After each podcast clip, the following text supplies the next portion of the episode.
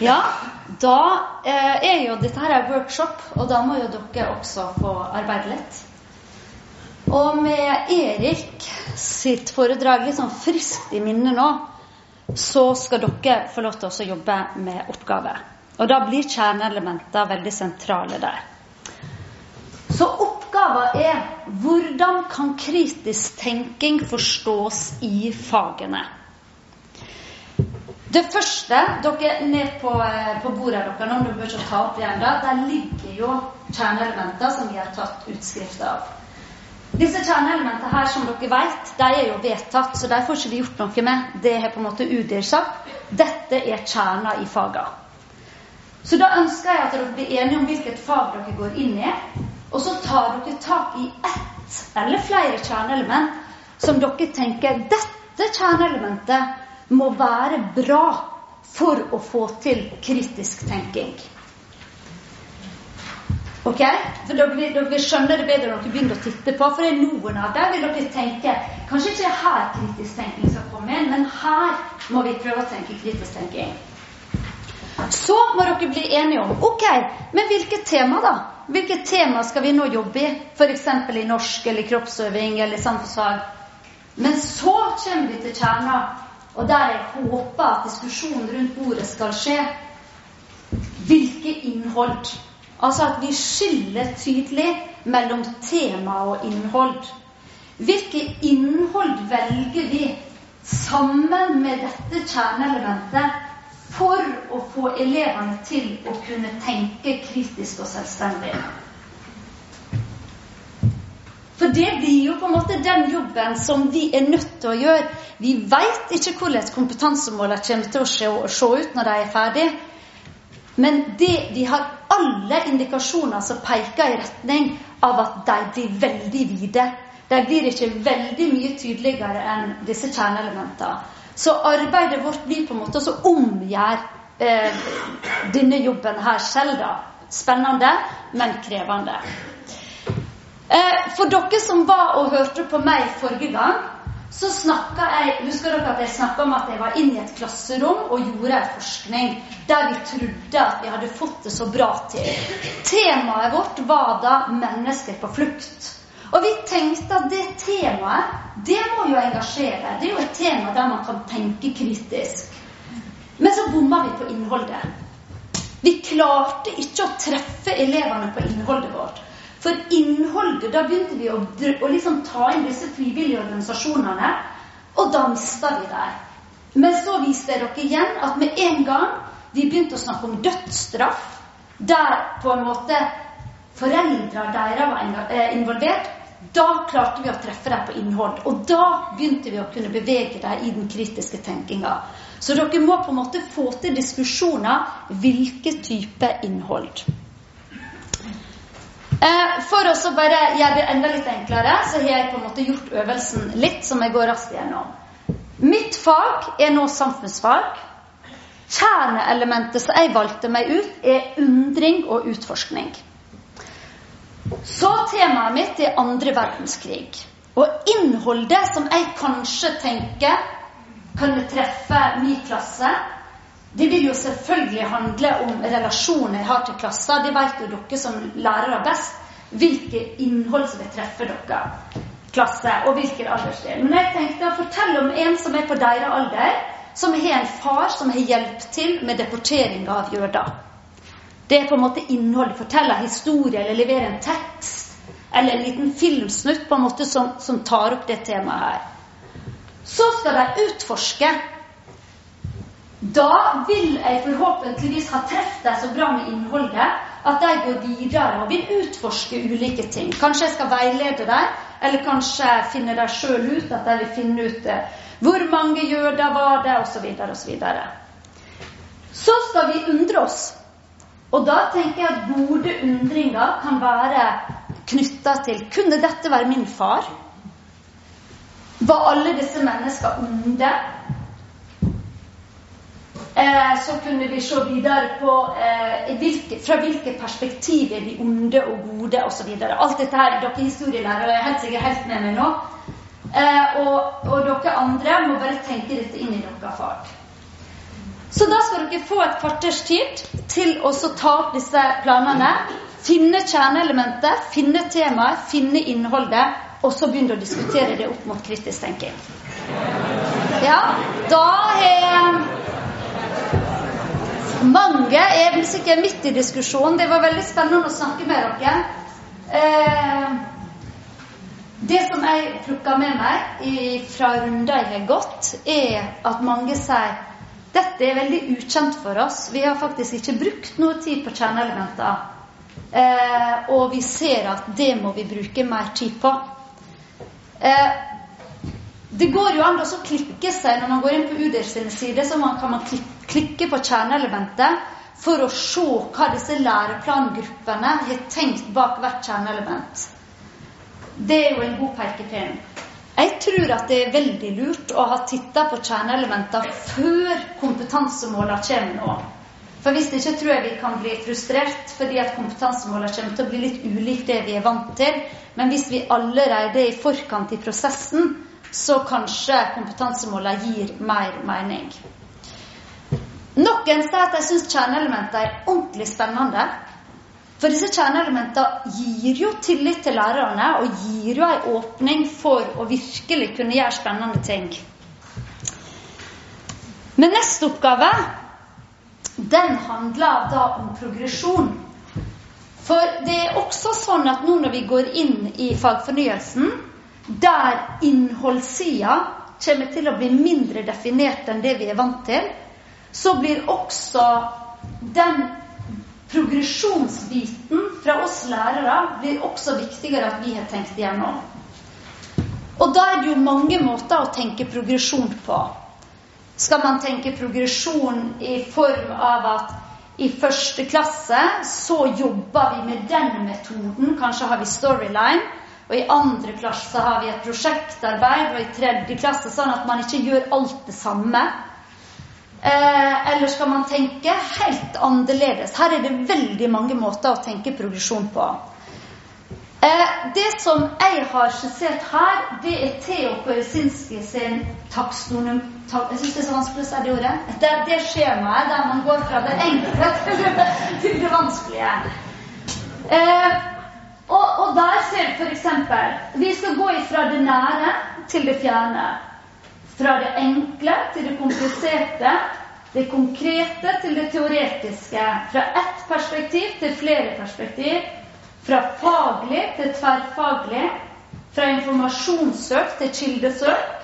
Til oversikt til innsikt, samtale, til drøfting og vurdering. Eksempel eller beskrive til sammenligne, forstå og forklare. Dette kan jo være en måte å begynne å tenke Hvis vi nå tar kjerneelementet, og så tar vi tema, og så innhold, og så kritisk tenking, og så begynner vi å tenke hva skal vi føre inn. Men jeg satt jo i går kveld da, og skulle prøve å gjøre det her sjøl med mine tema, med mine fag som jeg kan godt. Og det jeg ser, er at man klarer ikke å putte det inn i alle boksene. Eh, det gir ikke mening. Noen bokser gir mening for noen fag, og andre for andre fag. Men jeg tok bl.a. temaet demokrati. Og så tenkte jeg, kan man tenke Det første man introduserer med demokrati, er liksom demokrati i klasserommet. Det nære demokratiet. Og så beveger vi oss videre til det norske demokratiet. Og så utvider vi med et komparativt blikk der vi begynner å se på andre demokratier.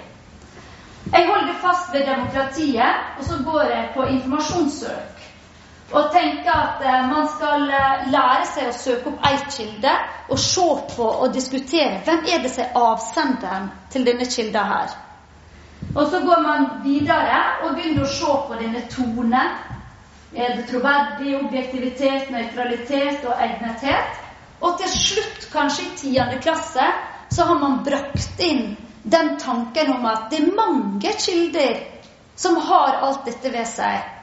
Altså, Jeg har troverdige og gode kilder som sier et eller annet om eh, plast, og noe annet som er like troverdig som sier det stikk motsatte av plast.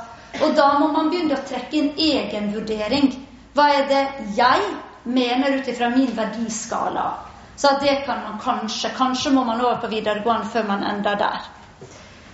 Eh, eksempel beskrive skriver her skal man kjenne igjen element. Her kanskje man skal se på noen av fordelene eh, med demokrati. Og på den siste skal man kunne ha en komparasjon mellom tre stykker. Altså Dette her må dere gå litt inn i sjøl. Finne dere innhold, finne dere tema. Og så begynne å tenke hvordan kan dere tenke progresjon. Og det er mulig at dere bare kan bruke litt av denne modellen, eller bruke den som en inspirasjon til diskusjonen deres. Så da får dere eh, ti minutter kvarters tid til den oppgaven også. Ja. Eh, her har, På min modell har jeg tatt bort trinn. På deres bord, eller det dere har på bord, så står det trinn. Og det var rett og slett for jeg fant ut at Eh, når jeg sjøl skulle gjøre oppgaver, at det ble litt meningsløst å sitte med sånn én til fire og fem til sju og videre. Fordi eh, det er på mange, mange tema skal vi fra det nære til det fjerde, fjerne allerede i første klasse. Ikke sant? Så den ble ikke så verdifull da, men det gir iallfall noen retninger for hvordan vi kan tenke progresjon. Det går an å tenke progresjon annerledes også. og Dere er fritt til å bringe inn det eh, i diskusjonen på bordet. Og så går vi litt rundt. Yes? Um, da tenker jeg at alle er ferdig utarbeida eh, den, den, jobben. Det er mye spennende som kommer fram, og jeg syns jeg har lyst til å ta opp noe som eh, Lise Merete sa til meg ble sagt på et bord. Ja, men vi skal jo virkelig også jobbe med eh, innsikt også i første klasse. Vi skal jo ikke bare Og vi skal jo også jobbe fra det nære til det fjerne, fjerne i, første klasse. Så er det viktig nå at vi ikke på en måte blir for opphengt i den progresjonen der. Det er mange plasser vi kan jobbe med dype ting i småtrinn også. Um, ja. Jeg tror kanskje jeg skal snakke om uh, Jeg har ikke så god tid, for jeg har hatt litt lite tid. Men jeg skal snakke om noen fallgruver som, som, vi kanskje skal unngå. Og en av de fallgruvene som jeg har snakka med flere av dere om, det er dette her Nå må ikke vi bli så ivrig på kritisk tenking og dybdelæring at vi på en måte kjører ut for hardt. Og så er alle lærere snakka om etos og patos, og alle skal snakke om tone. og vi skal ha den filosofiske samtalen i alle retninger. For vi må ha med oss det som Erik eh, sitt poeng med å, å, gå gjennom disse teoretikerne. Vi skal ha med oss alle fire. Det er det som skaper den gode læringa. Vi trenger leksikalsk kunnskap. Vi trenger faktakunnskap, vi trenger de gode metodene, og vi trenger kritisk tenking.